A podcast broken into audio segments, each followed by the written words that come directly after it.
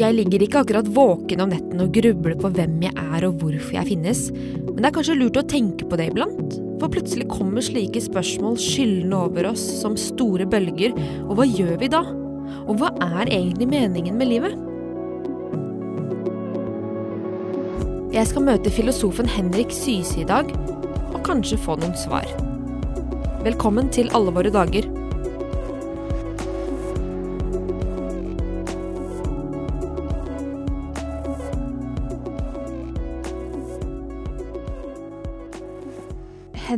Syse, hei hei. Hei! Filosofen over alle filosofer. Oh, det tror jeg nå neppe, men jeg er nå filosof i hvert fall. Ytterst ydmyk Ja. sådan. Jeg har, Mitt inntrykk er at du er en godt likt mann. Du verden, det vet ikke jeg, så det må du spørre andre om, men jeg er i hvert fall veldig glad for å få lov til å være sammen med andre og dele ting, så da er det gøy å være med i en sammenheng som dette. Ja, for du, nå, nå som jeg har det her, du er filosof, og jeg har alltid lurt på, er det sånn at du har funnet svaret på, på spørsmål som jeg enda ikke har stilt meg sjøl? Nei, eh, jeg skulle ønske det var sånn. Jeg tror at det filosofer ofte er ganske flinke til, er å stille spørsmålene på en god måte, og ved å stille spørsmålene på en god måte, så kan man også få et bedre inntrykk av hvor man skal lete etter svaret. Så jeg tror heller det ligger på spørsmålssiden enn på svarsiden. Men det er litt morsomt det du sier, for som filosof får jeg jo ofte sånne spørsmål, ikke sant. Hva er meningen med livet? Ja. Særlig hvis jeg sier nå kan dere stille meg et spørsmål, Ja. skoleklasse. Spør om hva dere vil. Hva er meningen med livet? Og da Hva tenker jeg svarer det du hadde, det hadde vært veldig greit å ha et kort og enkelt svar, så jeg har lånt et svar, og nå henvender jeg meg til de litt eldre lytterne av podkasten som husker en amerikansk komiserie som het Cheers, Mm. fra en bar i Boston. Og der var det en som var med hver eneste episode, en postmann som het Cliff Clavin, og han var vel kanskje ikke det man kaller den aller skarpeste kniven i skuffen, men en veldig god og ordentlig og, og skikkelig mann, og han hadde kommet frem til det aller siste episode, aller siste scene, han har kommet frem til meningen med livet. Gode sko. Og det han sier, gode sko? Ja, postmann, hvor mye han må gå rundt, og så spør han Frazier, som er der, som er den smarteste av alle sammen, hvem er den største tenkeren i historien? Og Frasier svarer, det er Aristoteles. Ja, der ser du, gode sko, sandaler, ingenting slår det. Og det er selvsagt komisk, Ja. men det er også et eller annet med å klare å finne mening i det hverdagslige. Men jeg opplever jo som 25-åring, eller du òg for så vidt, du vil jo finne, finne et godt liv, få deg et godt liv. Mm. Eh, og Ja, jeg er jo nå blitt 26, bare så, så lytterne vet det, og ikke le av det, da. Men jeg, jeg er 54, så jeg er halvveis i 108. Mm. Og hvordan Altså, er det For det første, er det viktig å finne det gode liv? Ja, det er det. Ja, det er det, men ikke i den forstand at det er noe man skal ha hele tiden, men i betydningen opplevelsen av at livet er meningsfylt og verdt å leve, også når det er tøft, også når det er vanskelig, men det har ikke noe direkte med døden å gjøre, det er ikke slik å, nå må jeg utnytte tiden så godt jeg kan og ha så mye moro jeg overhodet kan, men det er den opplevelsen at det at jeg er her, her og nå, som jo er et mysterium, det er jo et under, tenk at noe eksisterer i det hele tatt, snarere enn ingenting. Ja, jeg tror at vi mennesker sammen kan klare det på vårt beste.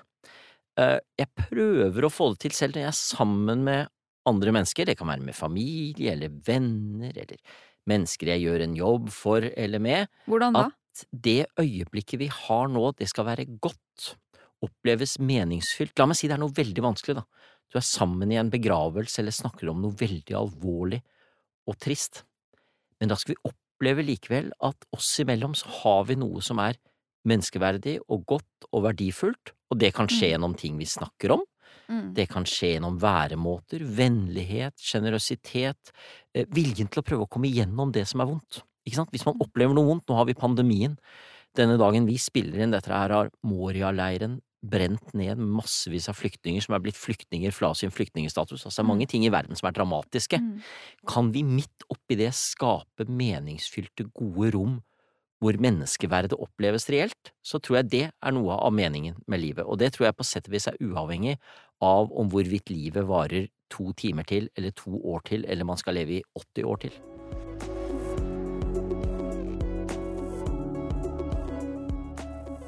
Jeg ble jo fortalt som liten eh, Ingrid, du kan, du kan bli hva du vil, du.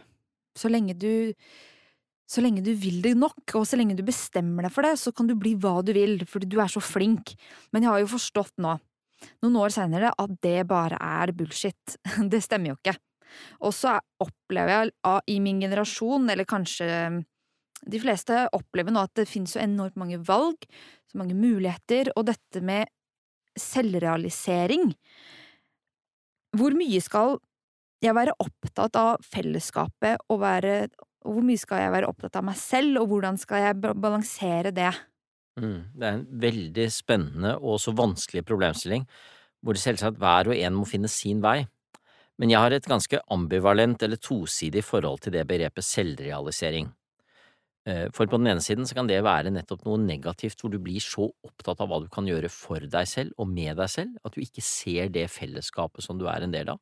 Og da kan det være man kommer til det punktet hvor man tenker etterpå hvorfor så jeg ikke mer av det? Altså, mange fedre, ikke minst generasjonen før vår og generasjonen før det igjen, sa senere i livet sitt at jeg var altfor lite sammen med familien min, eller hvis man hadde barn med barna mine. Jeg har hørt veldig få si å, jeg brukte altfor mye tid på barna.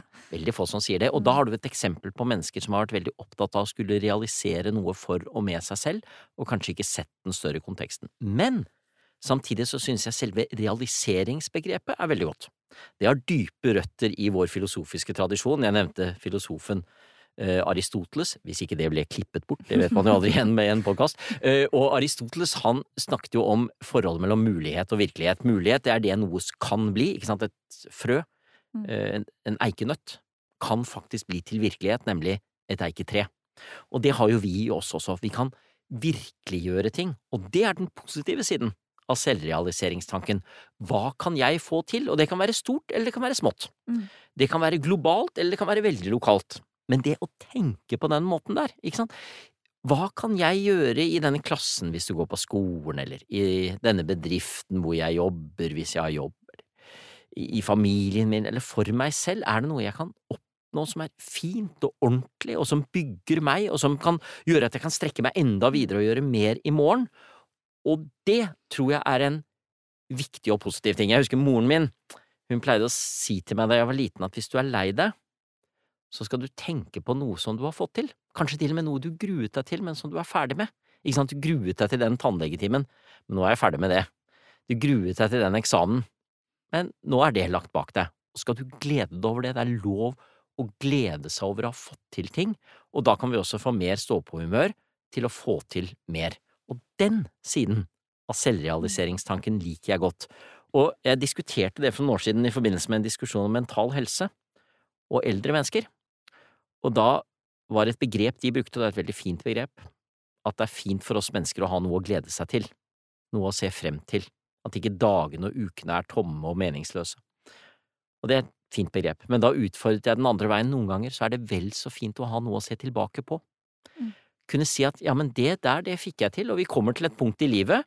Uh, Jeg i min alder på 54 er jo antagelig over halvparten av livet mitt, jeg vet at da blir det mindre igjen av det enn det har vært, og det er ting jeg angrer på i livet mitt, og ting jeg gjerne skulle sett veldig annerledes, men jeg har også noen ting å glede meg over, og det å kunne ta frem det, og det er fint mentalt òg, hvis du har et fint uh, øyeblikk fra sommerferien, og så kommer den grå ettermiddagen i november, og så setter du deg ned og ser på det bildet, eller prater med den du var sammen med, og så sier du var ikke det fint, var ikke det vakkert, var ikke det flott?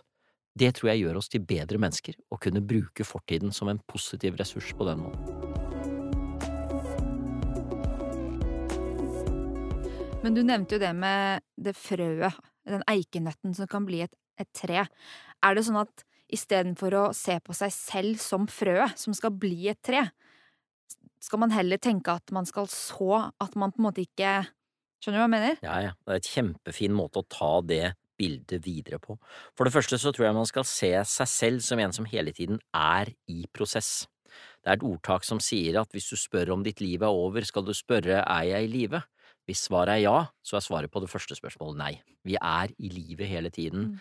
Eh, vi er i prosess, vi er ikke ferdige.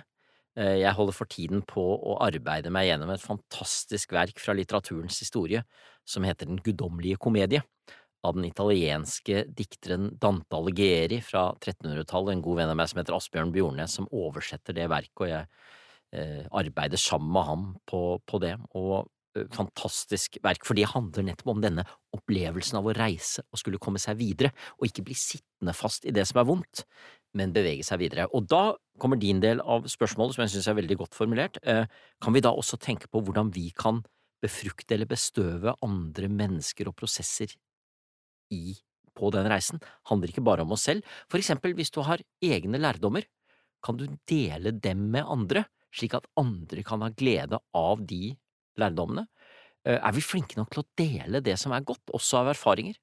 Eh, det tror jeg er en ordentlig viktig problemstilling eh, når temaet vårt i dag nettopp er dette med meningen med livet, og at livet ikke varer evig på denne jord. Mm.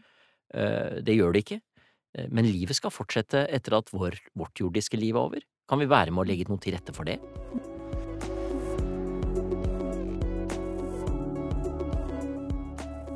Du, er det noen filosofiske spørsmål knyttet til døden som du personlig syns har vært vanskelig å deale med eller finne svar på?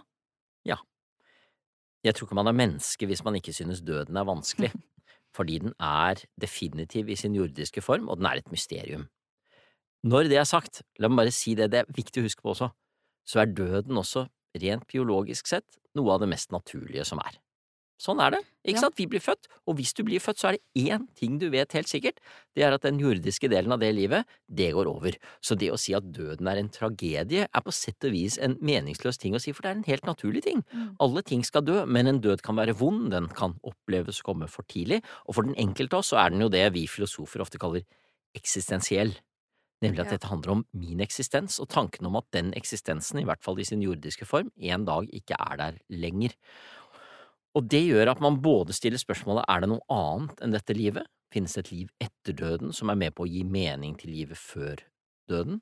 Um, hva sier det om mitt liv at jeg kan bygge og slite og ordne og prøve å lage ting, men det står ikke for alltid, som det heter i et gammelt ordtak, det er ingen lommer i likskjorta, du får ikke ta det med deg. Dette her er for din del over i den jordiske form, slik sett.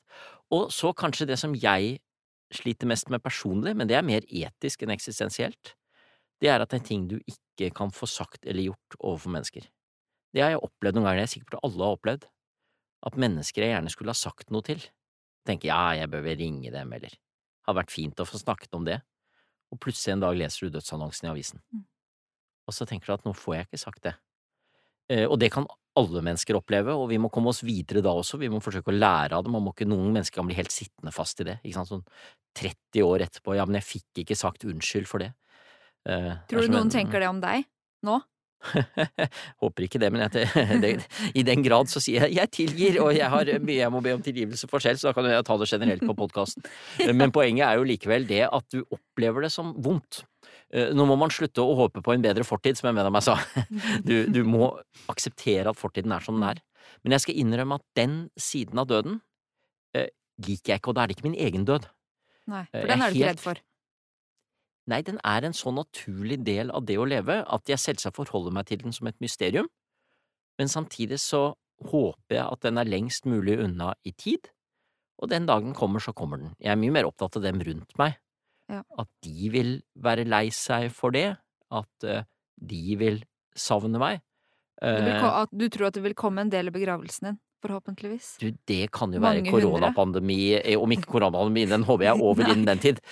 Men jeg vet ikke hvor lenge jeg lever, men det kan jo være andre ting. Nei, det er ikke egentlig Jeg har ingen ambisjoner om at det skal være så mange som tror skal skrive nekrolog om meg. Tror du du får en nekrolog i VG? Det kan jo være. Hva tror du står der, da? Der står det at han kjente Nicolai Tangen som ble sjef for oljefondet. Du verden så mye oppmerksomhet det kommer rundt det. Du, jeg, det har jeg et veldig avslappet forhold til. Faktisk et veldig avslappet forhold til. Det som jeg er lei meg for, det er at det er ting som jeg er glad i å gjøre, som jeg gjerne skulle fortsatt å gjøre sammen med andre mennesker.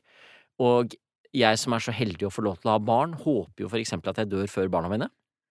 Men samtidig så ser jeg at det også er en vond ting, fordi det er ting som det er fint å kunne gjøre mm. videre. Mm. Og da er vi tilbake til spørsmålet ditt, er det noen sider ved døden som jeg som filosof synes er vanskelige, og da er det nettopp dette med sluttstreken. Men, og da har jeg lyst til å legge til én ting til slutt der, vi opplever alle døden i løpet av livet vårt fordi noen vi er glad i, går bort. Og da er det å kunne forsone seg med det en viktig ting. Jeg mistet faren min altfor tidlig, synes jeg. Han fikk et slag, han var bare 66 år, jeg var 31. Eh, savner ham ennå.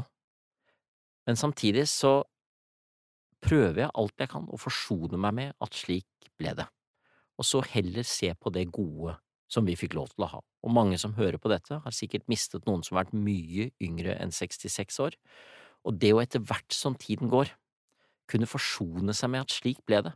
Jeg kan ikke endre den fortiden, men jeg kan ta vare på minnet om vedkommende.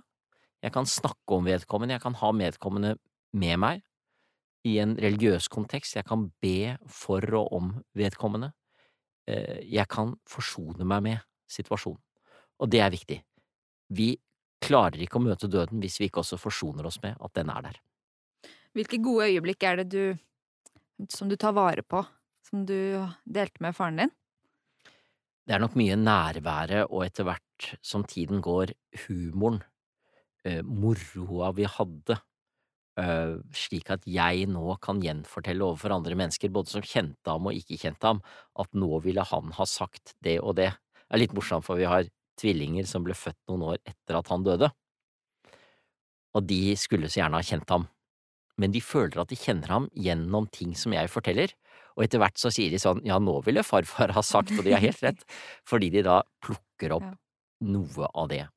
Og så tror jeg det er viktig i den forsoningsprosessen, og det ligger jo dypt i det kristne nådesbegrepet også, å klare å ta med seg det som er godt. Jeg hadde et veldig fint forhold til faren min, så det er ikke noe sånn at jeg trenger å legge ting bort, men det kan det være for andre. For noen kan jo det å oppleve at noen går bort, være en lettelse. For det kan være et menneske som har plaget dem og pint dem. Da skal man få lov til å legge det bak seg. I andre tilfeller kan man ha et mer ambivalent forhold til vedkommende, og da er det fint å kunne ta med seg det gode. Jeg er så heldig at jeg hadde et veldig fint forhold til faren min, men det er klart det er mennesker også som jeg har kjent som er gått bort, hvor jeg vet det var både gode og dårlige sider ved dem, det er det vel ved oss alle. Mm. Og det å da kunne etter hvert feste seg ved det gode, det er en fin menneskelig egenskap som jeg tror vi skal dyrke.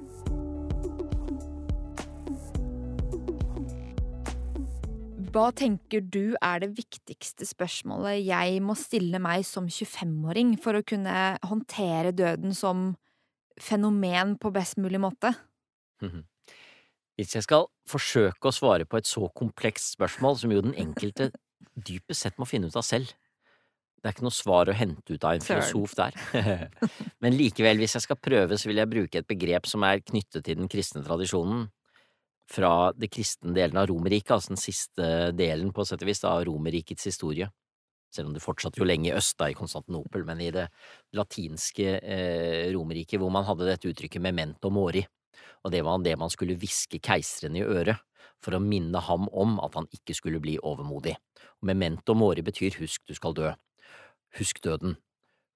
Og det skulle bety to ting. Det ene skulle være forbered deg på døden, gjør gode ting i dette livet. Det var en klassisk måte å tenke livet etter døden på, ikke sant? At uh, du, skal tenke på det, at uh, du skal gjøre deg klar for paradiset, og da må du gjøre det allerede i denne verden. Og det andre er jo den ydmykheten som følger av å huske at også du skal dø. Du er kanskje keiser, du er ikke uovervinnelig. Døden møter oss alle. Det er en ting som gjør deg solidarisk med andre mennesker, eller i hvert fall burde gjøre det. Og jeg tror nok at hvis man lar dette som jeg tidligere nå har kalt det eksistensielle, hvem er jeg, hva er meningen med livet, finnes det noe liv etter døden? Hvis jeg går rundt og tenker på det absolutt hele tiden, så vil jeg bruke altfor lite tid på å leve i praksis, gjøre ting i praksis overfor andre. Men hvis jeg skyver de spørsmålene bort, og aldri tenker på dem, så kan de enten komme tilbake som en gedigen hevn. Plutselig en dag så skjønner jeg, oi, og dette har jeg ikke tatt inn over meg, for eksempel i møte med en krise. Eller det kan være at den dagen jeg trenger ressurser for å møte noe sånt noe, en venn har det vondt, og sier at jeg trenger å snakke med deg om noe som er ordentlig vanskelig, og så tenker jeg inni meg selv, hva i all verden skal jeg gjøre nå, for dette har jeg aldri tenkt på før, da tror jeg vi kan føle oss ganske fattigslige. Og det å dermed, hva skal vi si da, forberede seg på det eksistensielle, det er et begrep fra Sokrates, det, slik han gjengis av sin elev Platon, at eh, livet er en øvelse i å dø, filosofi er en øvelse i å dø, nemlig å gjøre seg klar til å møte de store spørsmål. Mm. Og så møter man dem ikke hver dag, og så viser det seg at nei, jeg trengte ikke å tenke så veldig dypt akkurat i dag, men jeg har det med meg. Og det tror jeg handler om ærlighet med seg selv å gjøre også. Tørre å stille sånne spørsmål. Så er vi alle mennesker forskjellige. Og noen elsker å gjøre det, andre kan bli veldig nervøse av å gjøre det, oppleve angst. Og da kan det noen ganger være godt å rydde det litt bort også, og finne noe veldig konkret å jobbe med. Ikke de store spørsmålene om meningen med livet hver dag, men at de er der. Og da er vi tilbake til innledningen på mitt, uh, mitt svar til ditt gode spørsmål. Um, ha med deg livets alvor. Husk at livet også er alvor. Ja, for jeg tenker jeg er nok mer i den andre kategorien du, du skisserer her, at um, jeg tenker nok mindre enn deg på, på livet og på døden. Jeg lar humla suse litt, da. Ja, men det er bra. Humla syse, som vi sier i min familie. uh, nei da, og det, det, det, jeg sa i sted, handler jo om akkurat det. At i deler av livet er det en veldig sunn ting. Det er et gammelt ordtak, hvem var det som opprinnelig sa det, da? Men ja, jeg kan ta den engelske versjonen av det, som John Lennon uttrykte. Life is what happens to you while you're busy making other plans. Livet, det er det som skjer mens du er travel med å holde på med andre ting. Uh, og det er en innstilling som også noen ganger er riktig. Eh, det er ikke fordi jeg bare er litt lat. Nei. Jeg orker ikke Nei. å liksom grave meg ned Nei, for det, det, er et, det, er et, interessant spørsmål. Intellektuell latskap, og da snakker jeg ikke om intellektuelle betydningen mennesker som arbeider med vanskelige ting. Jeg tenker på hver enkelt av oss, vår mm. tenkning uansett hvem vi er. Så er intellektuell latskap, det er å innse at sånne spørsmål finnes, men jeg orker ikke å tenke på dem i det hele tatt. Det tror jeg kan være farlig, men det å innse at jeg har ikke alltid tid til å tenke på dem, eller at det kan gjøre noe negativt med meg også, hvis jeg skal gå rundt og gruble hele tiden, det er et ganske godt uttrykk, det med å gruble. Det er mm. fint med å gruble, men ikke for mye. Jeg så til og med en undersøkelse nylig av noen nevrologer som kunne vise hvordan mennesker som går rundt og overtenker eller grubler veldig mye, faktisk kan få en del mentale lidelser som følge av det, fordi man klarer ikke å komme seg ut av grublingen. Noen som for eksempel sliter forferdelig med å få til å sove, fordi når de skal legge seg til å sove, så går grublingen altså i høygir. Det kan vi kjenne igjen alle mm, sammen. Ja. Hvis du har et eller annet tøft som skjer, og så klarer du ikke å legge det fra deg. Det kan være noe på jobben, eller det kan være noe du er bekymret for, eller det kan være sykdom. Så det er ikke noe gærent i. Sånt opplever alle mennesker. Men hvis du har det sånn hele tiden og ikke klarer å komme ut av det, da er det veldig klokt å søke hjelp for det, for da kan den grublingen rett og slett trekke deg ned.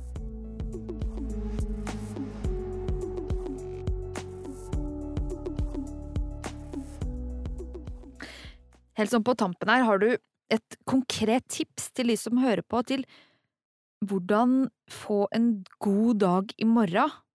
For det kan jo ta slutt. Altså, hvordan er det sånn at du som filosof kan tenke deg til en god dag hvis du har en dårlig dag? Mm. en morsom måte å stille spørsmålet på. Det er mye sant i det. Altså, RMI, rett mental innstilling. Det er grått, og det regner, og eh, jeg har ikke noe jobb å gå til, eller den jobben jeg skal til er ikke noe særlig morsom i dag. Da handler det mye om mental innstilling for å se hva godt kan jeg likevel se rundt meg nå og få ut av dette, og det kan være forskjellige ting. Én ting kan være å snu det som er vondt til noe godt, tenke på det ikke som et problem, men som en utfordring. Eller så kan det være å finne de gode oasene innimellom. Og det er nok eh, det jeg selv gjør mest, er å prøve å finne nettopp det gode, kanskje i et fellesskap, glede meg over noe, snakke med noen, dele en god historie med noen, eller bare gjøre noe hyggelig helt for meg selv. Og det siste jeg da vil si, er jo det å bruke tidshorisonten. Jo, jeg lever akkurat her nå, men det er ting bak meg, og nå var jo ditt spørsmål forutsatt at det kanskje ikke er så mye tid forover, men det vet vi jo ikke. Vi kan feste tiden fremover og håpe på at det kommer gode ting etter dette og da gledes over det, ikke sant? Som jeg snakket om tidligere, gledes over et eller annet veldig fint. Åh, jeg husker den filmen, eller den fantastiske øyeblikket vi hadde da, eller noe jeg ble ferdig med som jeg er glad for. Eller se fremover, vi hadde på eh, skolen jeg gikk på på ungdomsskolen og videregående, Kristelig gymnasium her i Oslo, så hadde vi en eh, rådgiver, han ble vel senere prest på, på KG og, og, gjorde mye fint arbeid, som heter Olav Neset. Og jeg husker han holdt en sånn andakt en gang som gjorde veldig inntrykk på meg fordi han brukte følgende som eksempel. Hvis du er glad i cola, og for all del til alle lyttere, cola er ikke veldig sunt, men det finnes jo enda verre ting her i verden, så sa han, eh, kjøp deg en kald cola og sett den i kjøleskapet. Nå skal du ikke drikke den ennå, men du skal tenke, den skal jeg glede meg til. Og i kveld eller til helgen så skal jeg, så skal jeg kose meg med det. Og det kan høres ut som en veldig enkel ting, men han påpeker noe dypt menneskelig, og egentlig noe ganske dypt filosofisk, nemlig det å kunne gå rundt og vite at det er noe å glede seg over. Dette jeg opplever nå er kanskje vondt, kanskje er det grått, men det finnes noe annet òg, det finnes alltid noe som er godt. Så vi avslutter med moralsetningen kjøp deg en cola. Ja, og ta gjerne en Cola Zero hvis du er redd for Ja. sukkerinnholdet, eller ta noe helt annet, pass på at det ikke er noe med mye alkohol i, da, for det er ikke bra, det er noen som har det også, nå skal jeg kose meg med det, men jeg tror likevel at hvis du tar essensen i det, kan være noe annet òg, det kan være en fin film jeg skal se i kveld, eller kanskje jeg skal kose meg med sushi, og det kan høres så banalt ut, men det er en slags billedliggjøring av det å ha noe å glede seg til og over, det handler ikke om det materielle, men det handler om det å finne glede. Nå blir mannen min glad. Han elsker Pepsi Max og sjokolade og potetgull. Og i moderate mengder. Jeg skal hilse Han har noe for seg, ja, skal hilse fra deg. Hils han masse.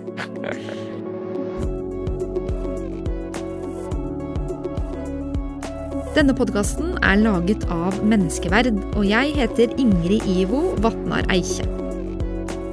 Neste episode kommer på tirsdag.